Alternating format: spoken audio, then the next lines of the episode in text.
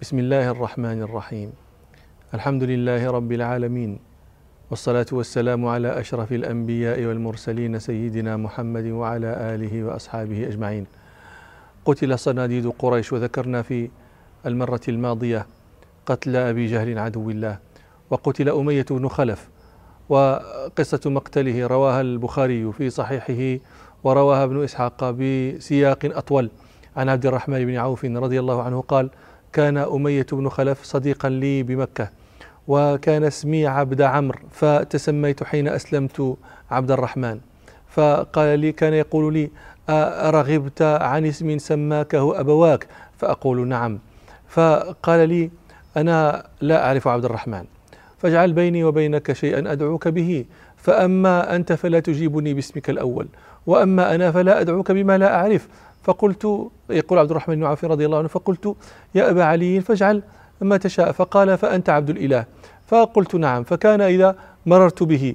فقال عبد الإله وقفت فتحدثنا حتى كان يوم بدر فمررت به وهو واقف مع ابنه علي بن أمية آخذ بيده وبيدي أدراع قد استلبتها. قال فلما رآني نادى يا عبد عمرو فلم أجيبه. فقال يا عبد الإله. فقلت نعم. فقال هل لك في فأنا خير لك من تلك الأدراع. فقلت نعم. قال فطرحت تلك الأدراع. فأخذت بيده ويد ابنه. قال فأنا أمشي بهما. إذ رآني بلال. وكان أمية يعذب بلالا في مكة على ترك الإسلام. وقد تقدم لنا في هذه المجالس بعد ذلك. فلما رأى بلال أمية قال أمية بن خلف رأس الكفر لا نجوت إن نجا. قال عبد الرحمن فقلت أي بلال أبي أسيري؟ فقال لا نجوت إن نجا. وصرخ بلال في الأنصار. قال فتبعوهم آه، تبعوا عبد الرحمن ومن معه. قال عبد الرحمن فلما خشيت أن يدركونا آه، تركت لهم ابنه لأشغلهم به فقتلوه وأبوا إلا أن يتبعونا. قال وأمية رجل ثقيل. فلما عرف عبد الرحمن أنهم أنهما مدركان قال لأمية أبرك. فبارك قال وتجللت عليه. يعني يريد أن يمنعه بنفسه قال فغشوه بالسيوف ضربوه بالسيف من من تحت عبد الرحمن. قال فقتلوه وأصاب أحدهم رجلي بسيفه. وفي ذلك يقول بلال رضي الله عنه فلما التقينا لم نكذب بحملة عليهم بأسياف لنا كالعقائق. ومطرورة حمر الظبات كأنها إذا رفعت أشطان ذات الأبارق.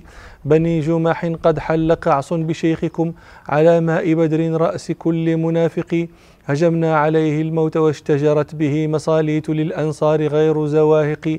هوى حين لاقانا وفرق جمعه على وجهه في النار من رأس حالق. وقتل غيرهم فقد روى البخاري. عن البراء بن عازب رضي الله عنه أن النبي صلى الله عليه وسلم وأصحابه أصابوا يوم بدر سبعين أسيرا وسبعين قتيلا. ثم وقف رسول الله صلى الله عليه وسلم على من قتل من صناديد قريش ورؤوس الكفر فيها فقرعهم ذلك التقريع الموجع المؤلم الذي لا تدارك فيه. روى البخاري ومسلم في صحيحيهما. عن أبي طلحة رضي الله عنه قال أمر رسول الله صلى الله عليه وسلم يوم بدر بأربعة وعشرين من صناديد قريش فقذفوا في طوي من أطواء بدر خبيث مخبث. طوي من أطوائها أي بئر من آبار بدر. خبيث مخبث.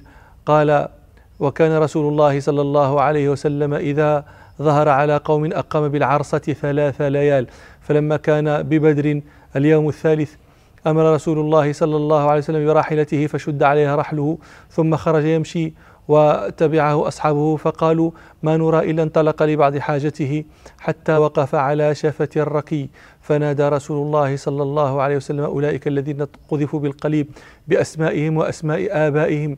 يقول صلى الله عليه وسلم يا أبا جهل بن هشام يا أمية بن خلف يا عتبة بن ربيعة يا شيبة بن ربيعة أيسركم أنكم أطعتم الله ورسوله؟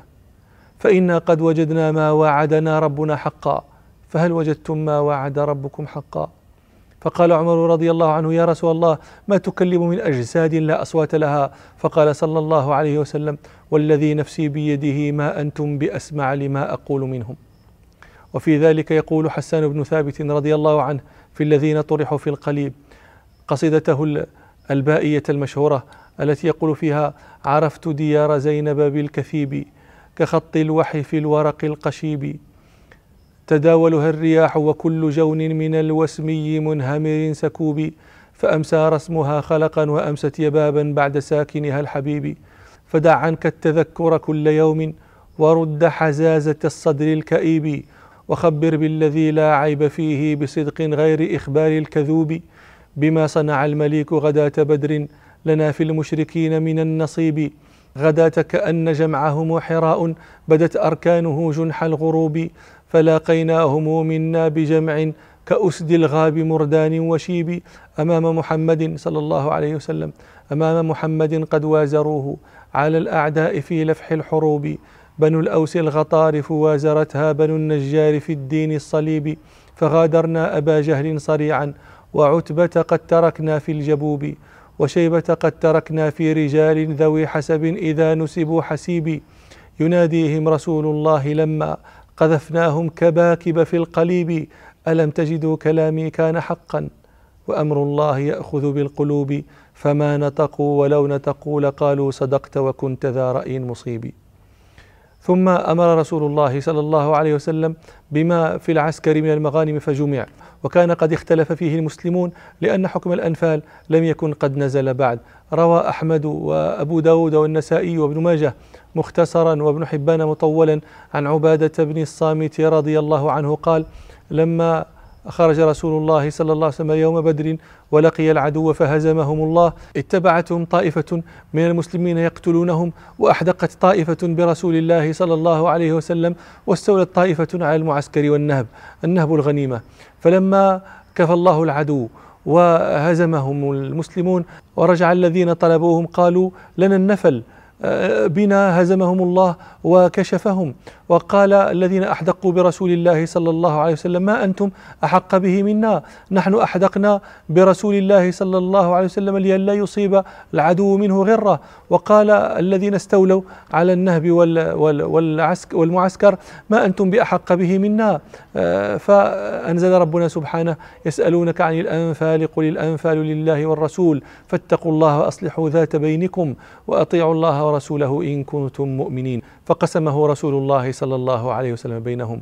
وروى أحمد عن أبي أمامة الباهلي رضي الله عنه قال سألت عبادة بن الصامت عن أنفال فقال فينا معشر أصحاب بدر نزلت حين اختلفنا فيه وساءت أخلاقنا فنزعه الله منا وجعله إلى رسوله صلى الله عليه وسلم فقسمه النبي صلى الله عليه وسلم بين المسلمين عن بواء أي على السواء.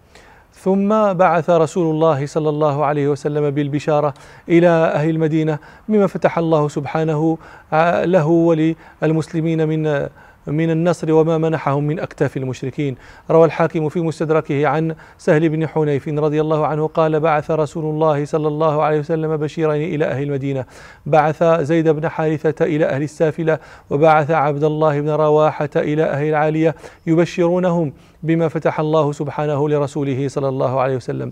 فوافق زيد بن حارثة ابنه أسامة حين سوي التراب على رقية بنت رسول الله صلى الله عليه وسلم.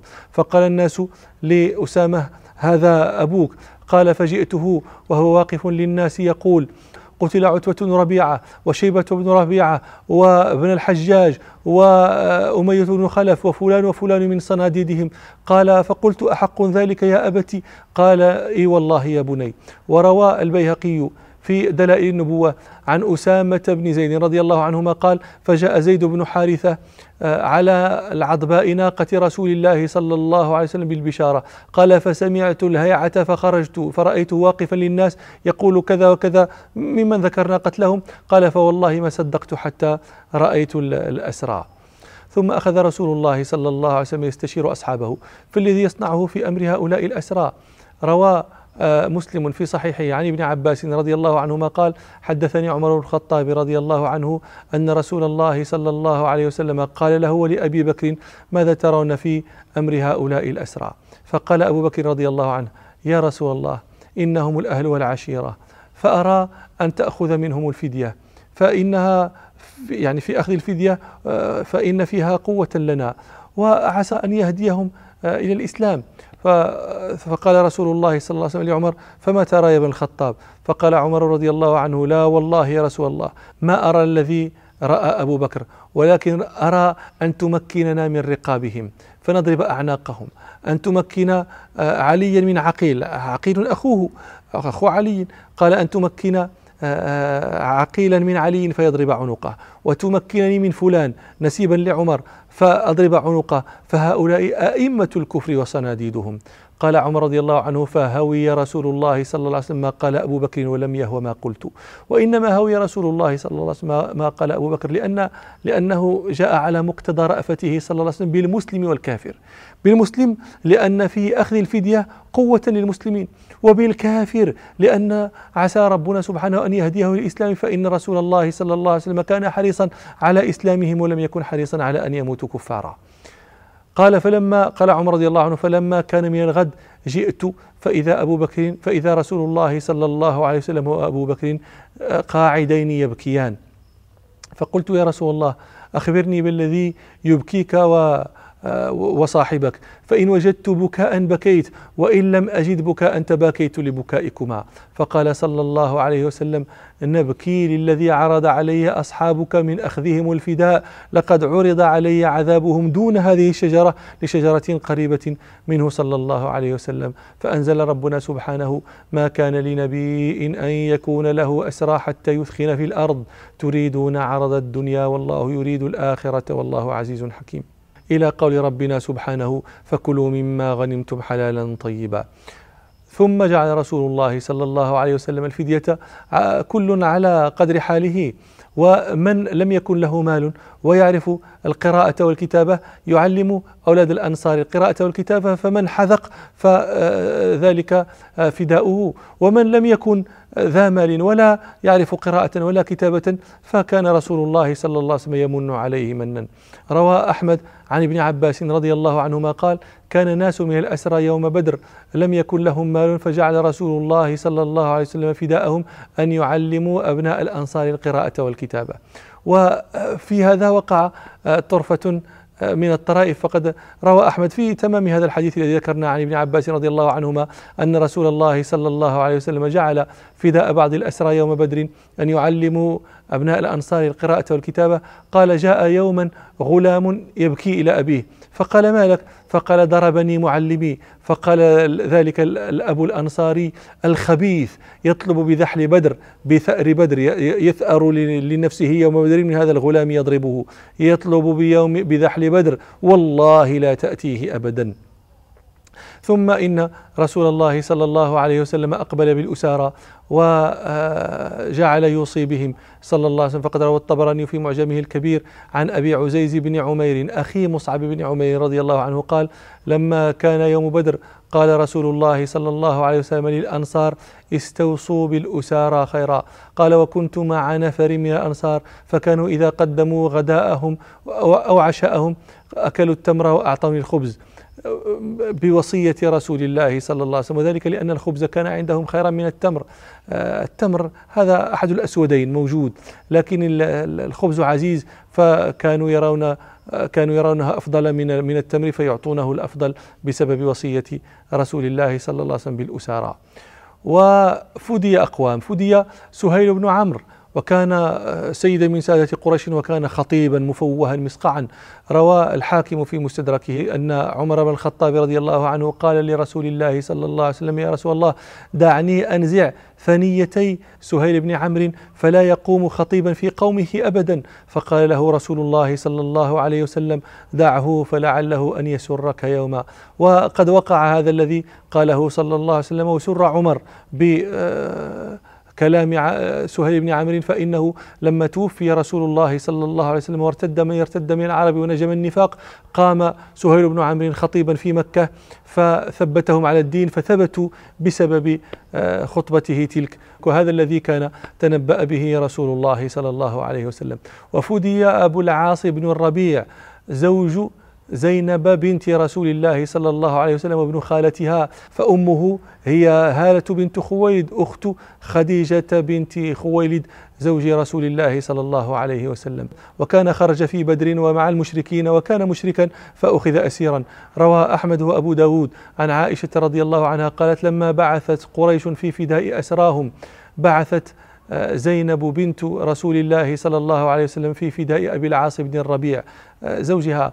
بعثت بمال وبقلادة كانت لخديجة أعطتها ابنتها زينب حين أدخلتها على زوجها أبي العاص عندما أراد أن يبتني بها. فلما نظر رسول الله صلى الله عليه وسلم إلى القلادة رق لها رقة شديدة. فقال لأصحابه إن رأيتم أن تطلقوا لها أسيرها وتردوا لها الذي وتردوا عليها الذي لها. ففعلوا فقالوا نعم يا رسول الله. فأطلقوه وردوا عليه الذي لها. لكن رسول الله صلى الله عليه وسلم كان أخذ عليه أنه إذا رجع إلى مكة أن يرسل إليه بنته زينب فإنها كانت آه، بقيت بمكة لم تهاجر. ففعل أبو العاص بن الربيع فكان بعد ذلك رسول الله صلى الله عليه وسلم يثني عليه. روى الشيخان أن رسول الله صلى الله عليه وسلم كان يقول في أبي العاص هذا حدثني فصدقني ووعدني فوفى لي. وفدي العباس. وكان يروم من كل جهة ويحاول بكل سبيل أن لا يبذل في فدائه قليلا ولا كثيرا لكن يأبى الله إلا ما أراد. وأخبركم بخبره في آه، حلقة قادمة إن شاء الله. سبحانك اللهم وبحمدك أشهد أن لا إله إلا أنت أستغفرك وأتوب إليك والحمد لله رب العالمين.